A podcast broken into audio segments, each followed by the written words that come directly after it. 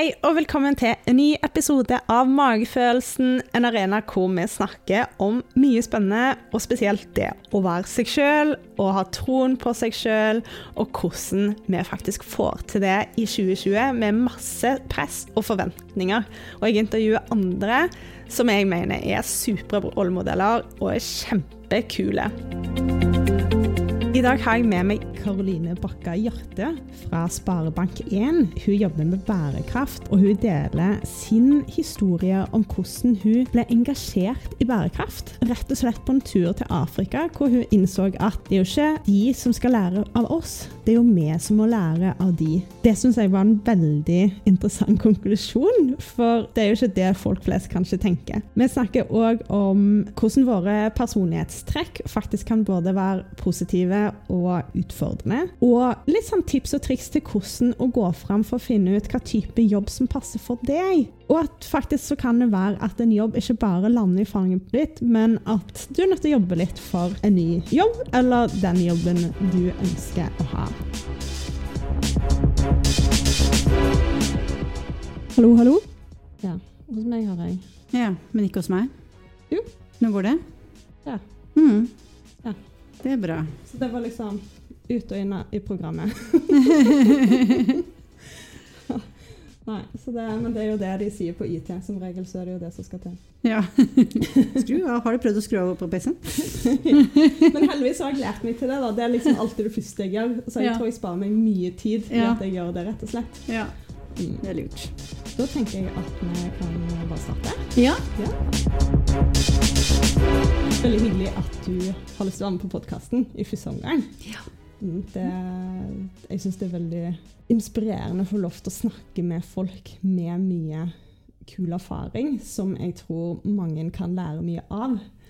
Og du er absolutt blant de. Veldig hyggelig å være her. Mm, Du har gjort veldig mye spennende i løpet av din karriere og ditt liv. Mm. Jeg kan ikke så mye om ditt liv, men jeg har lest CV-en din iallfall. Hva er det du er mest stolt over å ha utretta? Jeg er vel mest stolt av å ha mm, beveget meg videre mot eh, et mål og mot det jeg ønsket å gjøre, som var å jobbe med systemendring. På tross av at du på en måte underveis kan av og til kan miste litt uh, målet og både mål og veien av syne. Mm. Så jeg tror kanskje det er det jeg er mest uh, stolt av, sånn karrieremessig, da. Mm. Mm. Hva systemendring er det du ønsker å få til? Nei, det er jo uh, en eh, bedre verden for fler. Mm. Og da ikke på en måte ved å dele ut suppe eller eh, eh, Eller plukke plast, som jo også er veldig bra, men heller jobbe med hvorfor eh, blir det for mye plast i naturen, og hvorfor er det sånn at folk trenger å stå i suppekø. Mm. Så det har engasjert meg fra jeg var, fra jeg var liten. Mm. eh, og egentlig fra tror det kan spores tilbake til en reise jeg hadde i, i Zambia da jeg var tolv. Mm. Eh, og da på den tiden var det mye sånn Live Aid og ikke sant, stakkars eh, barn med store mager og fluer rundt øynene og sånn. Mm. Og da jeg var der, så tenkt, fikk jeg en veldig sånn sterk tanke om at det er jo ikke de som trenger hjelp av oss, det er jo vi som trenger hjelp av dem. Nå var jo ikke jeg blant de sultrammede, da, så det skal sies. at det, ikke sant? Det, det er jo ikke til altså, Hadde jeg vært det, så hadde jeg jo selvfølgelig tenkt at disse trenger eh, FNs matvareprogram. Det er ikke det jeg mener. Men, men på en måte en sånn på en måte erkjennelse om at eh, det er jo eh, noe med systemet vårt som er litt eh, feil her. Og det er ikke så svart-hvitt, da. Det er ikke sånn her er vi rike, hvite, heldige, og der er dere, og svart-hvitt, og vi er sånn, og dere er sånn. Og det er mye mer komplekst, da. Mm. Og hvordan med det utgangspunktet kan du jobbe for en, en verden hvor alle får like muligheter, og får brukt sitt potensial, som jo er så enormt for alle, egentlig. Ja. Noe rundt det er der. ja. Jeg syns det er innmari kult det du sier, at vi kan lære mye av de. Mm. Og det har jeg òg opplevd når jeg har vært ute og reist, at jeg har funnet mye inspirasjon fra måten de lever på, som kanskje er mer tradisjonell, og hvordan de tar vare på tradisjon. Mm. Som jeg ser i stor grad at vi kanskje har eh, glemt litt i Norge. Ja. hva er det du spesifikt tenker at vi kunne lært av de? Nei, for det første så er det litt den derre eh, vi og de, hvor jeg på en måte Jeg har bodd bl.a. i Zimbabwe, hvor jeg bare tenkte sånn Oi, du er jo likere meg enn mange nordmenn er lik Ja, ja, meg. ja. Så det er jo det første, ikke sant. At liksom Oi, vi to er jo kjempelike. Vi to er jo kjempeforskjellige. og så er det jo selvfølgelig noen forskjeller i kultur. og det handler jo mye i Norge nå, syns jeg, om å være takknemlig for det vi har. Eh, som jeg syns vi kan lære av stort sett alle andre land utafor Norge. Og som jeg syns mange er flinkere til enn det nordmenn er. Være takknemlig for det man eh, faktisk har fått, og, og ha en erkjennelse om at eh, det er faktisk ikke min fortjeneste at jeg ble født eh, her med sølvskje i munnen og alle muligheter, gratis utdannelse, helt opp til universitetet, eh, ressurssterke foreldre, ressurssterke lokalsamfunn, godt styresett, lite økonomisk kriminalitet. Ikke sant? Så, og så tar man det så innmari for gitt, og det er akkurat som at man av de tenker sånn Ja, men det fortjener jo jeg. Og det gjør det jo. Det gjør alle nordmenn. Men det gjør jo resten av verden òg. Så den derre eh, Akkurat som det er eh, en sånn tanke om at vi har det, og andre kan ta det fra oss, så vi må kjempe for det vi har, for det på en måte vi fortjent, men det har ikke de andre gjort seg fortjent til. Istedenfor en, en tanke om at alle, alle fortjener det. Ikke nødvendigvis å få det i Norge, men fortjener å oppleve det der hvor de er. Da. Og hvordan kan vi jobbe, være takknemlige for det vi har, og jobbe for en systemendring, slik at alle får det på sin måte, sånn som de ønsker det. Der syns jeg jo nordmenn alltid har en um, vei å gå. Ja. Mye å lære. Mm. Ja, jeg liker veldig det å se på oss som kanskje rollemodeller. Da. Mm. Og det hvis vi går foran og er gode rollemodeller, så er det jo veldig mange som ser til Norge. Mm. Men det føler jeg kanskje ikke at vi klarer, eller at vi er der helt ennå. da. Og Nei. vi er jo veldig ressurssterke, som du sier. Det er bare den at vi kanskje har sett litt eh, bare til oss sjøl og ikke til resten av verden. Ja. Men det er jo noe med å være stolt av det vi er gode på, og jobbe med det vi ikke er så gode på. Hvis man ser f.eks. på FNs bærekraftsmål, og jeg jobber jo med bærekraft, så går jo de på mye går på helse, utdanning, likestilling, redusere fattigdom, like muligheter, sånne ting. Og på veldig mange av bærekraftsmålene så gjør jo Norge det veldig bra. Og det skal vi jo være veldig stolt av. Og det er- det er eh, kultur vi har bygget på og fått til. Da. Og det er jo noen som har kjempet for det. Det er jo noen som har kjempet for likestilling, det er noen som har kjempet for redusert ulikhet osv. Men, men, men det har vi i hvert fall. Og det syns jeg vi skal være stolte av. Og forsøke å, å inspirere andre til i hvert fall det funka hos oss. Og det gjør jo Norge mye, f.eks. med trepartssamarbeid, ikke sant? hvor man har arbeidsgiver og arbeidstakere og regjeringen som faktisk snakker sammen. Ja. Hvor de reiser jo da rundt omkring i verden og forteller om det. At det funker kjempebra, det er en kjempegod løsning. Dette burde dere prøve. Ja, det har jeg veldig troen på. Det Ja. å liksom skape samarbeid mellom ulike distanser og dele erfaring og kompetanse. Ja, ikke sant? Ja, ja, ja, det, er kjempe, det er en kjempebra modell, og grunnlaget for veldig mye Eller grunnen til at arbeidslivet vårt er så bra, da. Og så er det andre områder hvor Norge gjør det ganske dårlig på bærekraftsmålene, bl.a. ansvarlig forbruk og produksjon, eller eh, altså bruk av ressurser, da.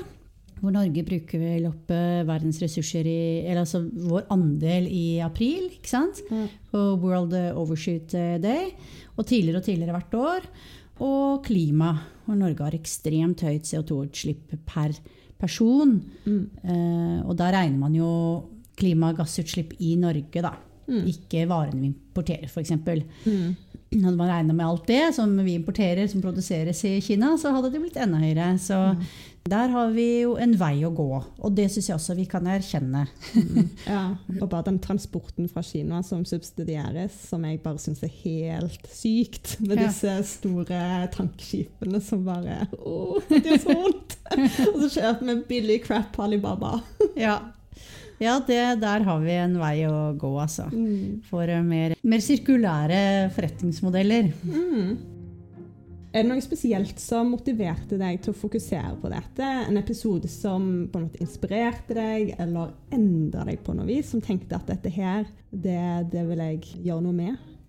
Det var jo den reisen Og så begynte jeg å studere sosialantropologi på, på Blindern.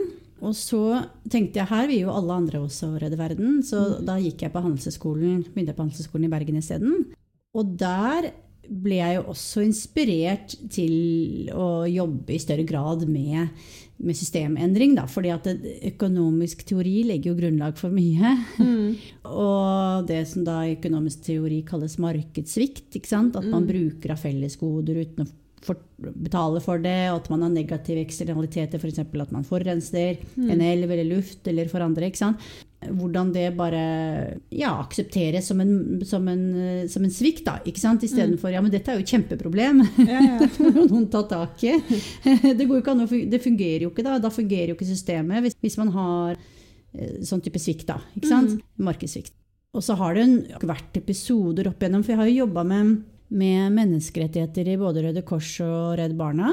Eh, og særlig Redd Barna jobba jo, jo mye med flyktningbarns rettigheter og enslige mindreårige asylsøkeres rettigheter. Og traff mange av dem og var verge for eh, noen som jeg fortsatt har kontakt med. Så deres historier har jo inspirert meg eh, mye. Og liksom de ressursene de sitter med. ikke sant? Så hvordan kunne de ha fått brukt de best mulig? Og, og samme da jeg jobba i fagbevegelsen i, i eh, FH, med de som jobber med altså Det er barnevernsutdanna, barnevernspedagoger, sosionomer og vernepleiere og velferdsarbeidere. Hvordan de jobber hver dag og egentlig for systemendring da, og for uh, empowerment og deres historier. Ikke sant? Både fra eget yrkesliv og fra de de prøver å, både prøver å hjelpe og lykkes med å hjelpe. Mm. Så det er jo på en måte alle sånne typer historier inspirerer og styrker i troen på ønsket å bidra med noe, da. Mm. Det lille beskjedene man kan som enkeltmenneske. Ja. Mm. Jeg tror jo at et menneske kan påvirke, ikke bare pga. det du gjør, men pga. at du da ender opp med å inspirere andre til å gjøre. Og så Mm. plutselig så kan du ha inspirert 100 personer, da. Ja. Og da utgjør det en stor forskjell. ja, fin det tanke. ja. ja, men det er jo det, for jeg tror det er veldig lett å tenke at jeg har ingenting å si, Mm. men jeg har jo det. Mm. Ja, det er veldig sant. Og når jeg holder foredrag om bærekraft, så pleier jeg å tegne en sånn stor sirkel. For det er veldig mye, ofte veldig mye sånn Ja, men jeg kan ikke kjøpe, jeg kan ikke kjøpe elbil. Jeg er, nødt, er avhengig av bil hver dag. Jeg kan ikke sykle. Jeg syns det er vanskelig å gjøre sånne, sånne tiltak. ikke sant? Og så pleier jeg å tegne en sånn stor sirkel på tavla, så så er det en sånn strek i midten, og så skriver jeg pluss på den siden og minus på den andre siden. Så sier jeg sånn Det handler jo egentlig bare om hvilken, hvilken side av denne streken ønsker du å være på. Ønsker du å være på den siden pluss-siden? Og der er det masse folk som forsøker, hvert fall, å bidra med det man kan. Ok, så kan ikke du uh, kjøpe elbil, og kanskje burde du ikke heller uh, ikke sant? Men, Eller redusere bilkjøring, da. Ja. Ikke sant? Men det er jo masse annet du kan gjøre. Mm. Massevis. Mm. Og ikke minst redusere forbruk på andre måter. Så det handler liksom om forsøker du eller forsøker du ikke.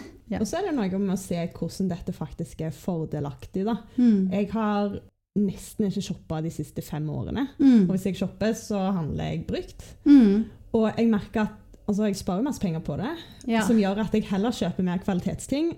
Og så har jeg mye mer penger til overs Ja. til å investere eller til å f.eks. gå ut og spise, eller gå på konsert eller på et show. Ja. Og gjøre liksom opplevelser da, som jeg bare merker jeg setter så mye mer pris på. Ja. Ja, det er kjempelurt. Og så slipper jeg et uh, skap som bare er overfylt, Ja. som er veldig deilig. ja, veldig sant. Og det å kjøpe brukt er jo litt skattejakt, ikke sant? Ja, ja. Litt sånn eh, Kan jeg finne, kan jeg finne den uh, tingen brukt? Og det er litt sånn skattejakt. Det Ja. er, eh, det er gøy. Ja, jeg syns egentlig det er veldig gøy, men jeg hater jo å shoppe. Så, så jeg er sånn Jeg liker faktisk å gå på Fretex, men Ja. det er fordi at alt er ulikt. Ja. og så må jeg være litt kreativ. Ja. Eh, og så er det jo som sagt det skattejakt. Plutselig så finner du ting med merkelappen på, og så er det sånn Problemet mitt er at jeg elsker å shoppe. ja. Så alt, klær, interiør, alt. Så jeg må jo, må jo jobbe med meg selv for ikke gjøre det. Og for å kjøpe brukt isteden. Mm. Og da må du bruke litt mer tid, men du får jo mye bedre kvalitet. Ja. Eller du kan få bedre kvalitet da, til samme pris. Mm. Og det er jo verdt det. ja. Og veldig mye av det man kjøper brukt, eh, går jo ikke an å se at det er eh, brukt. Nei. Og nå kan man, eh, vi skal kjøpe en ny sofa, nå kan man kjøpe ferdig rensede sofaer Ja, som nesten ikke ser brukt ut. Mm. På Finn får en tredjedel, en fjerdedel, en femtedel eh, av prisen eh, som de kan kjøpes nye. Ja, ja. Det, er, det kommer flere og flere sånne muligheter. Da. Ja, det er bra økonomisk. Sirkulærøkonomien er en helt nødvendighet hvis dette skal gå. ja, ja, absolutt. Litt over til deg og jobb. Hva er egentlig din drømmejobb, og hvorfor? Da jeg var på Handelshøyskolen, så hørte jeg et foredrag av en som heter Rolf Lunheim i Norsk Hydro. Som snakket om CSR, som det het da. Samfunnsansvar, bedrifters samfunnsansvar. Og så tenkte jeg det vil jeg jobbe med. Og så spurte jeg en del sånne spørsmål, for jeg ble kjempeengasjert i den forelesningen. Litt ta kontakt med meg, sa han eh, etterpå, for jeg prata med han i pausen nå. Og vi er jo interessert i sommerjobb, eh, ikke sant, og sånn. Og så ble det ulike ting som skjedde som gjorde at jeg ikke tok kontakt med han etterpå. Og så angra jeg veldig på det i mange år etterpå. det gikk ikke da.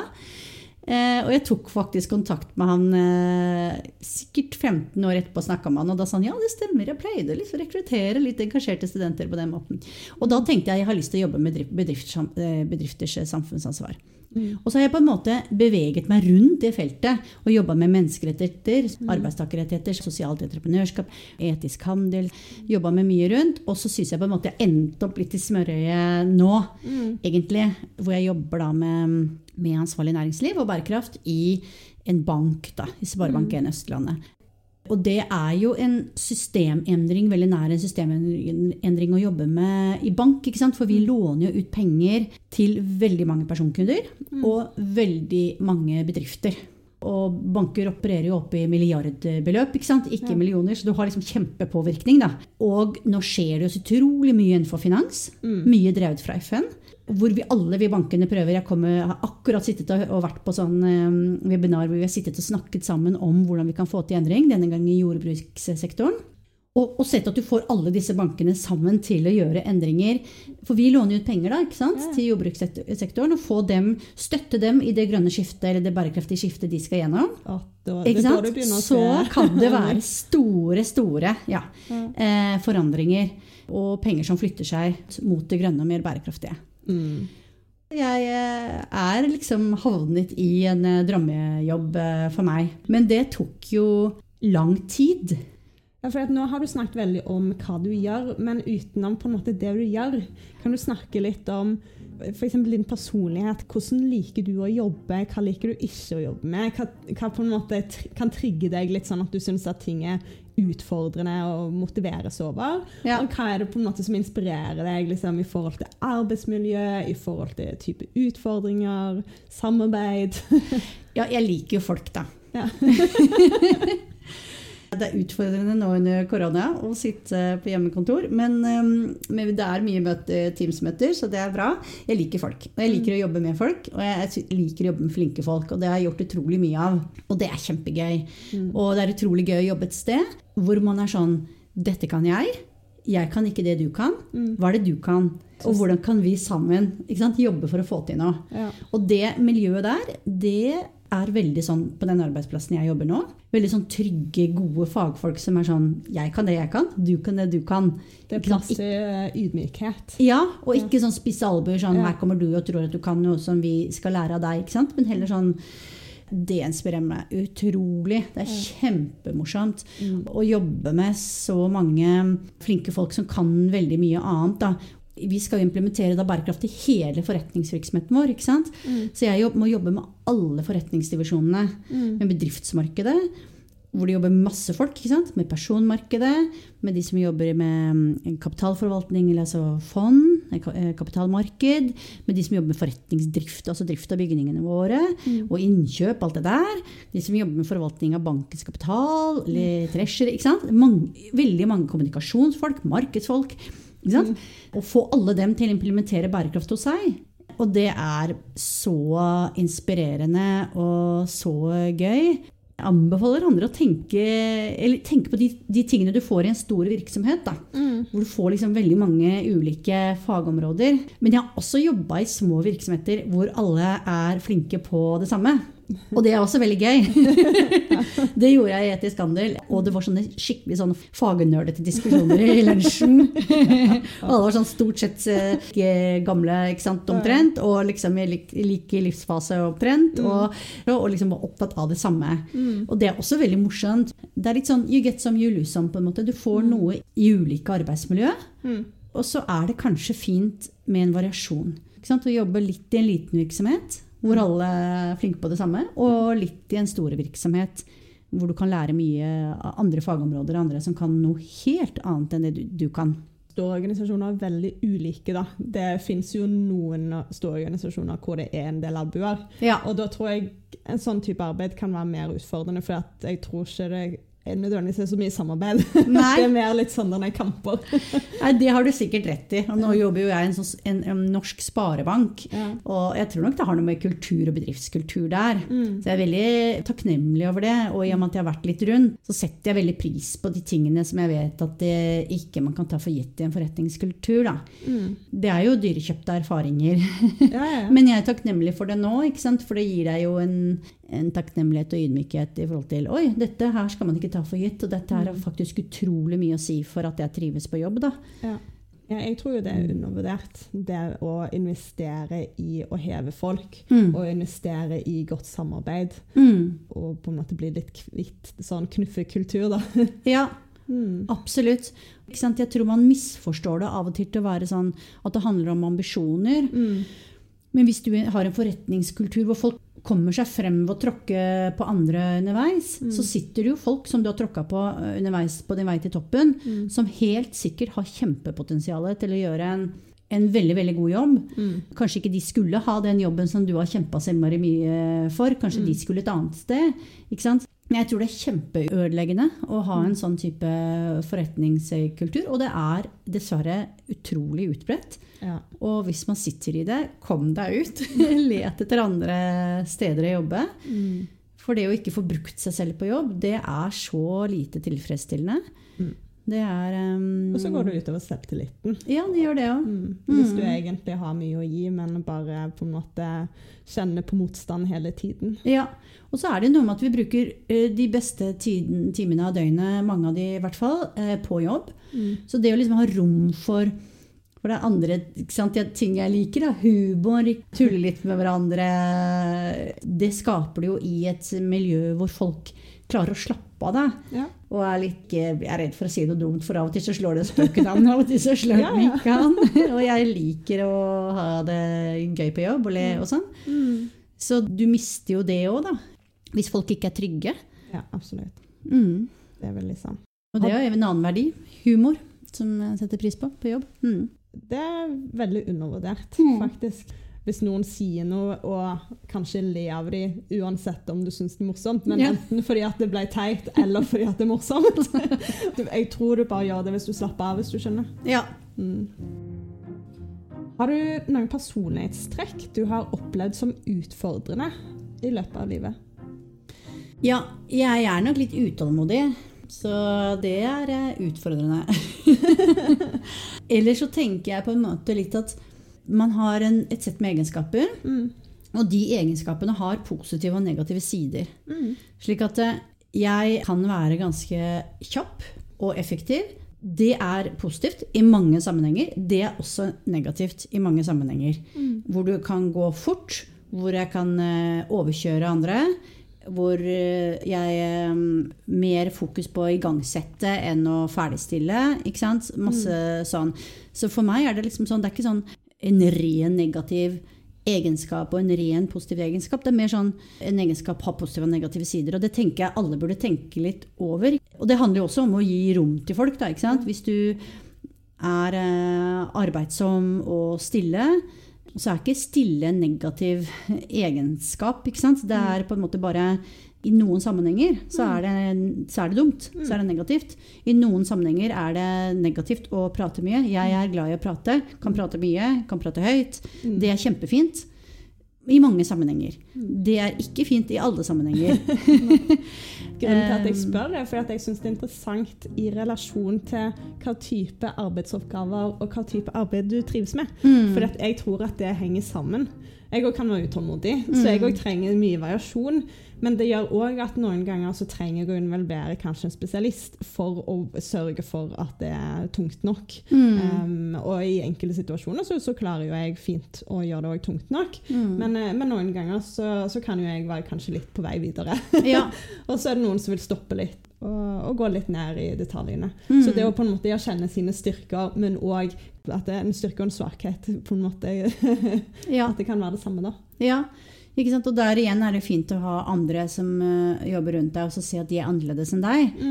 Og at du kan eh, Nå kan du faktisk sitte og holde litt grann kjeft der, og så, kan, eh, så tar det kanskje litt lengre tid før det kommer, men det som kommer, er veldig klokt. Mm. Og det er vel verdt å vente på, og høre på og, og samarbeide med folk som er litt ulike, da. Mm. Så det må man eh, lære seg gjennom hele livet.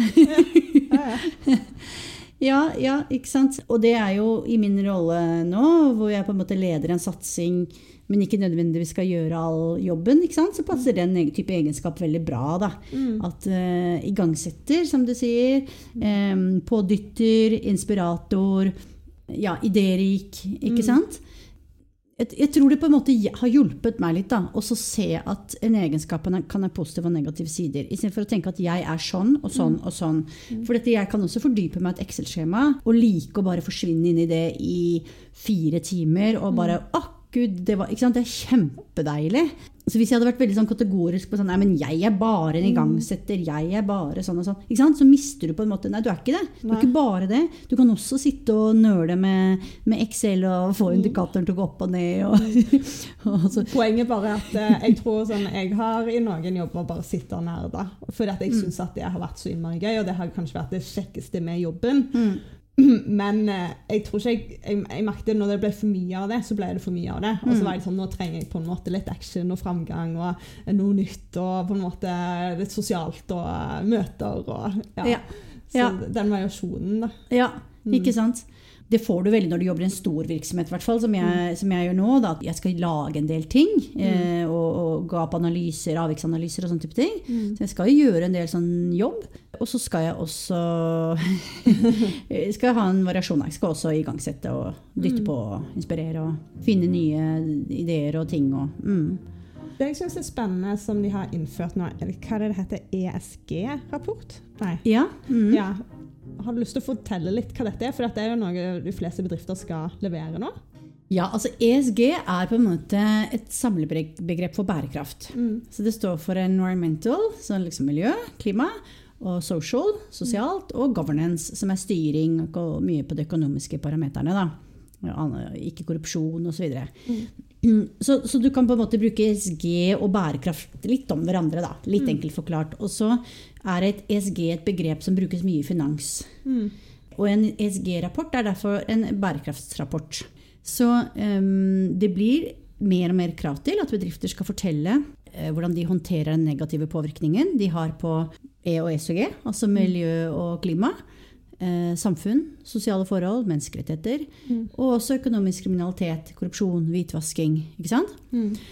Eh, men også hvordan de kan være en del av løsningen.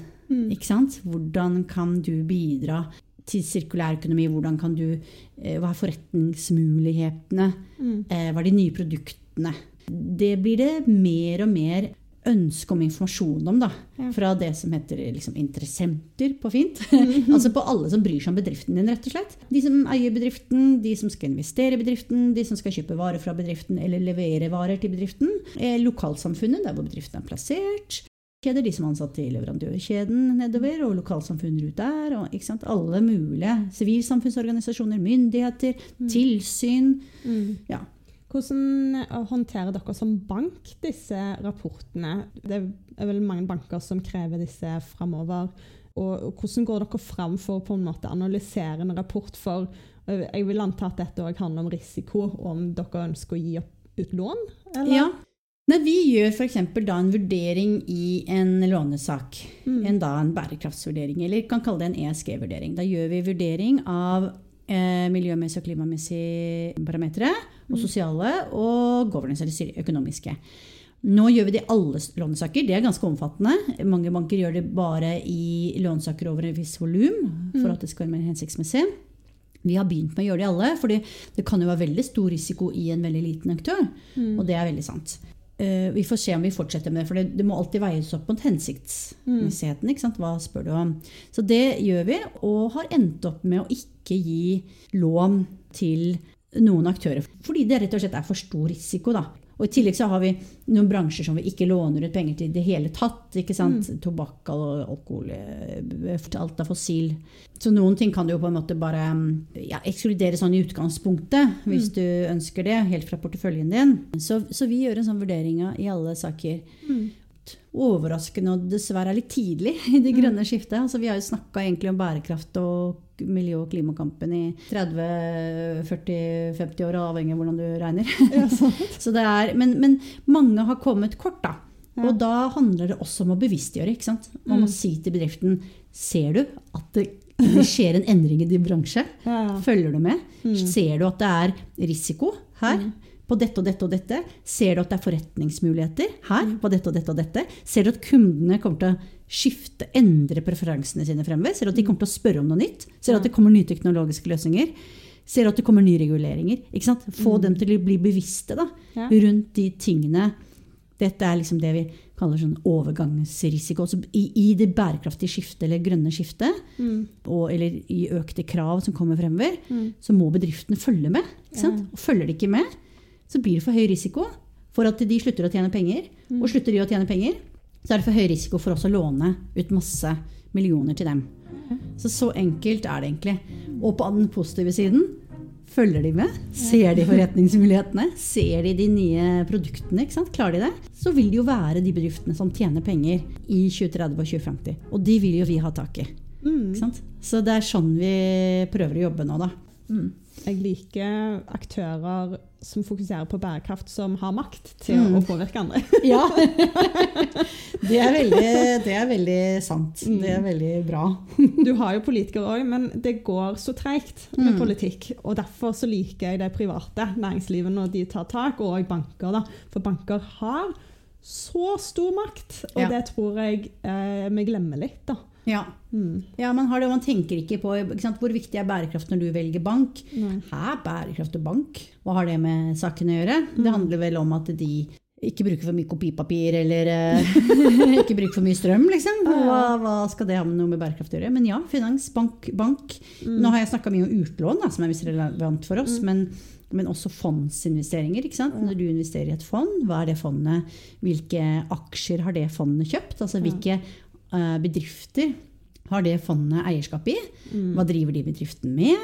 Hva gjør de av risikostyring for å passe på at de ikke bryter menneskerettigheter? Hva gjør de av ja, akkurat den samme regla som jeg hadde i sted? Men akkurat det syns jeg er interessant, det med å tenke over hvor vi legger pengene våre. Og Mm. en ting er liksom, Det er vanskeligere noen ganger å handle bærekraftig Mm. liksom forbruk, men å investere. For da har jo banken egentlig gjort jobben. Mm. Så jeg har alle mine penger i fond som er grønne. Mm. Fordi at jeg, jeg vil potensielt ha barn en dag, og Ja. jeg vil at de skal vokse opp i en fin framtid. Og samtidig så ønsker jeg å ja, ikke se disse negative konsekvensene som de forutser. Da. Jeg Ja. ønsker ikke at de skal tre i kraft. Det er kjempebra og kjempelurt og kjempefin mulighet å bruke sin eh, påvirkning på. Men eh, et godt eksempel. Hvor plasserer du pengene? Hvor eh, plasserer du pensjonspengene dine? Hvilke krav stiller du? Eh, Ja, plasserer de i grønne fond, og det gjør jo at eh, de grønne fondene blir mer populære. At det kommer mer penger inn der, og kommer mer penger inn til de grønne mulighetene, grønne produktene, grønne bedriftene. Det er veldig mange som tenker som deg for tiden, så det er mye penger som går, går i den retningen. Da. Og det er veldig bra. Mm. Får bare håpe at det blir enda mer. Enda mer. La oss håpe på det. Jeg har jo funnet ut at uh, i min omgangskrets så er det veldig mange som tenker som meg. Ja. Men uh, så vet jeg jo at uh, det er mange omgangskretser hvor det ikke engang er et tema. ja.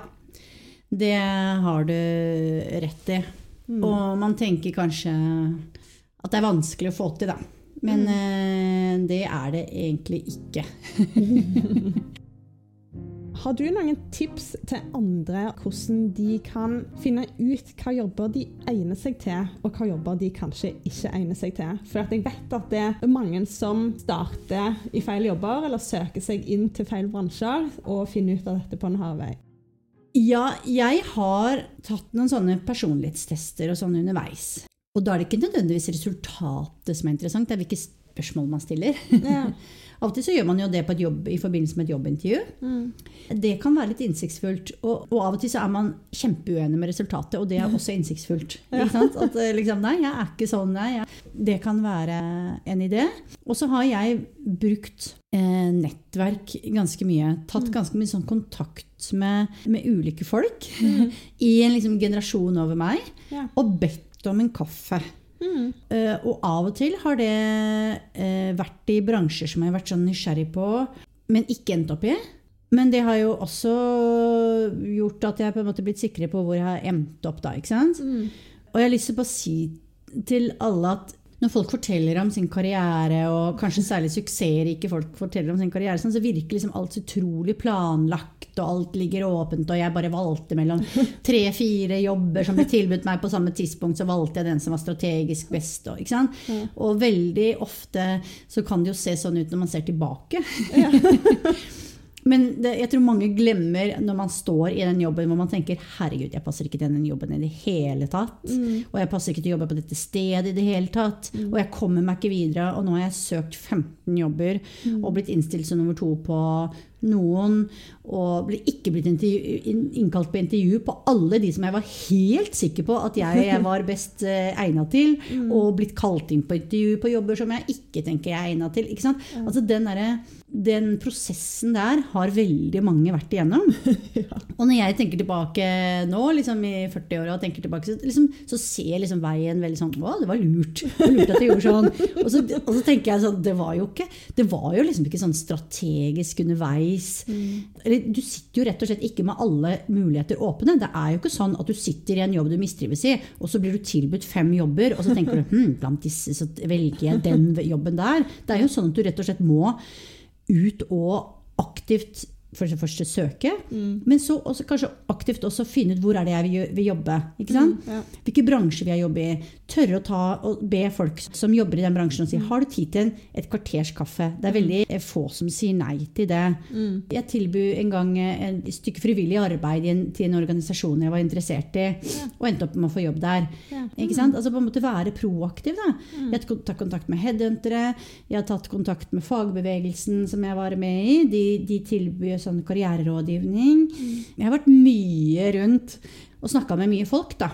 Mm. Så det krever jo egentlig litt sånn mot, for jeg husker mamma og pappa råda meg om å snakke med en kompis av pappa på et tidspunkt. Ja, han eh, har jobb med økonomi, det kan jo være at du kunne tenkt deg, og da var jeg liksom 18, og for det første var det flaut å snakke med han, og, og så tenkte jeg at økonomi, det hørtes dritkjedelig ut, liksom. Ja. Det skulle jeg alle fall ikke studere. så det, men det, jeg tror for, da var jeg litt sånn, denne, jeg syntes han var så skummel. Ja. Eh, og også siden han liksom hadde studert, og finans hørtes så fancy ut. og Ja. Det var liksom så stort gap. Men det er jo kanskje det å starte med noen som ikke virker så skumle. Ja, og det er jo alle liksom liker Hei, kan du fortelle litt om deg selv og din jobb? Liksom, alle liker å prate litt om seg selv og sin jobb. Liksom. Det er jo det vi driver med. Så selvfølgelig kan man fortelle litt om det. Og det verste man får, er jo nei, da. Eh, og hvis du spør da om en kaffe, har du tid til en kaffe en dag? Jeg er sånn og sånn, har gjort sånn og sånn og sånn. Har du tid til kvarters kaffe? Jeg har disse spørsmålene, på en måte. Ja. Men jeg skjønner godt at det er skum, skummel, så, så gjerne begynne med noen som ikke virker så skumle, som virker litt uh, hyggelige. Men jeg tror det er kjempelurt. Og kanskje bare tenke at faktisk så syns folk som regel at det bare er innmari hyggelig å bli spurt. Ja.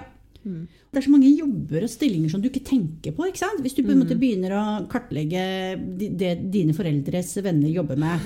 Hvis du er interessert i ledelse, Ja. så kan det hende at det hadde vært utrolig kult å lede en, eh, en liten bedrift som eh, driver med eh, vannrensing, liksom. Som du aldri har tenkt liksom jøss. eh, Eller som lager koblinger til et eller annet rørsystem. ikke sant? For du tenker liksom, det er, jo ikke, det er jo ikke det du brenner for, men du brenner for ledelse. ikke sant? Man tenker så veldig sånn tradisjonelt. da. Sånn Ledelse, å ja da, men jeg jobber liksom eh, i stat og kommune med ledelse. liksom. Men det er masse. Du kan, du kan jo jobbe i en jobb du syns er spennende. Du kan jo jobbe i en bedrift du syns er spennende. Du kan jobbe med et fagområde du syns er spennende. Du kan jobbe med kollegaer du digger. Liksom. Du kan, det er jo utrolig mange elementer ved et jobb som du kan like veldig godt. sant? Så, så jeg tror det er veldig lurt å snakke med folk og være på en måte litt sånn åpen for at du kan havne et sted som er helt sånn Jøss, her er jeg, liksom. Men dette passer meg jo perfekt. Ja. Og så faktisk kanskje være åpen for at det er noen som bare tenker at de ønsker en jobb som på en måte bare går smertefritt. Ja. Eh, og på en måte bare er en jobb, og så krever det da bare at det ikke Det er mye drama og sånn, eh, Mm. men bare at det, det er enkle, rutinemessige arbeidsoppgaver. Og, Absolutt. Chill. Sant? Ja, og hyggelig Og lunsj, de- hyggelige kollegaer. ja, så går du hjem, og så er det kanskje mer fritiden som er, Mm. som er det de ønsker å fokusere på. Men det å ja, finne Det er jo også lov.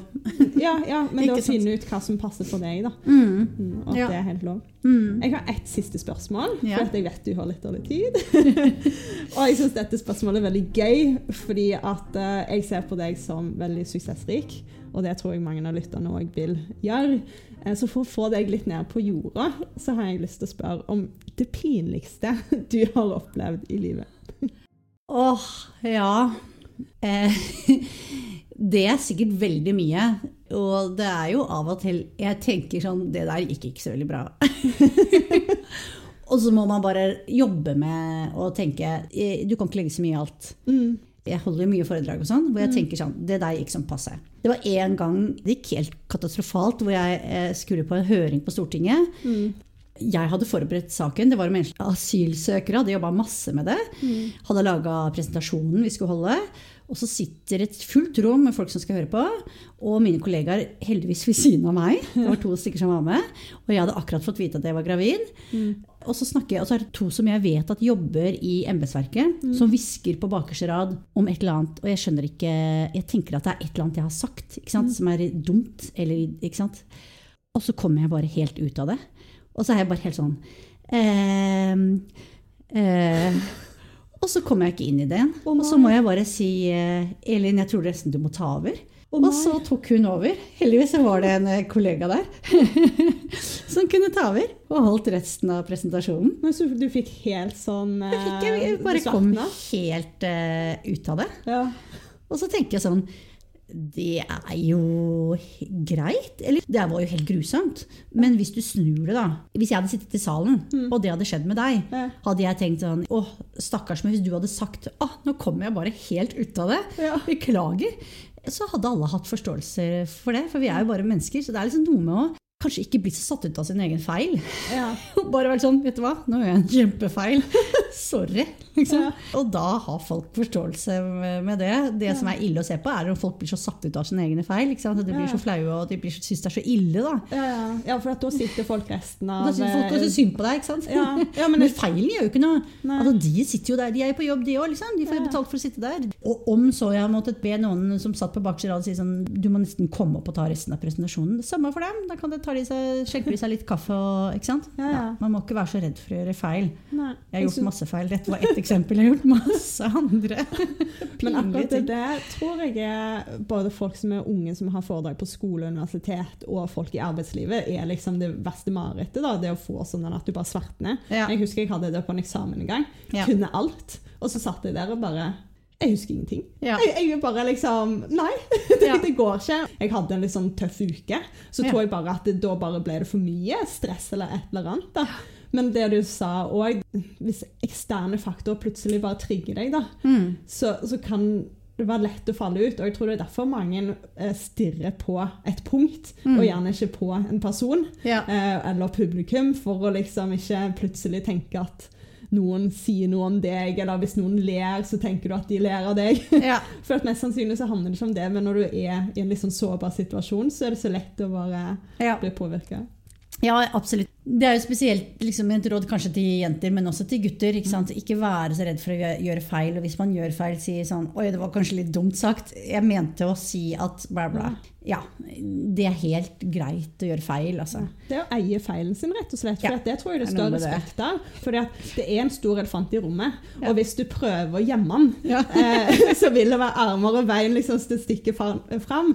Men hvis du bare liksom bringer den fram, så vil han på en måte bare bli en kjempeliten elefant. Ja. det er noe med det. Ja, Alle kjenner seg jo igjen. ja, ja, ja absolutt. Mm.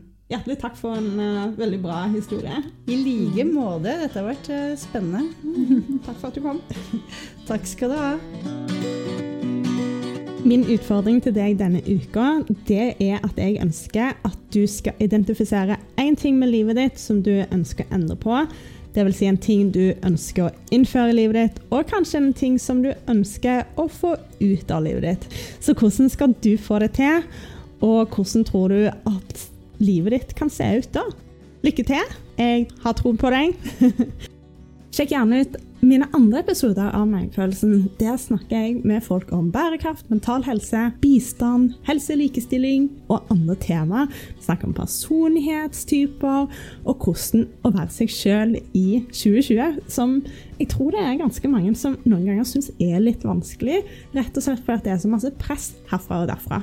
Hvis du liker podkasten min, så setter jeg kjempepris på stjerner på Apple Podcast, og at du følger podkasten, og at du selvfølgelig deler med andre som du tenker kunne trengt inspirasjon fra alle disse fantastiske damene, og kanskje etter hvert mennene som jeg intervjuer på podkasten. God lytt, og ha en kjempefin uke, da. Og ta vare på de rundt deg òg, da. Vi snakkes om en uke. Ha det.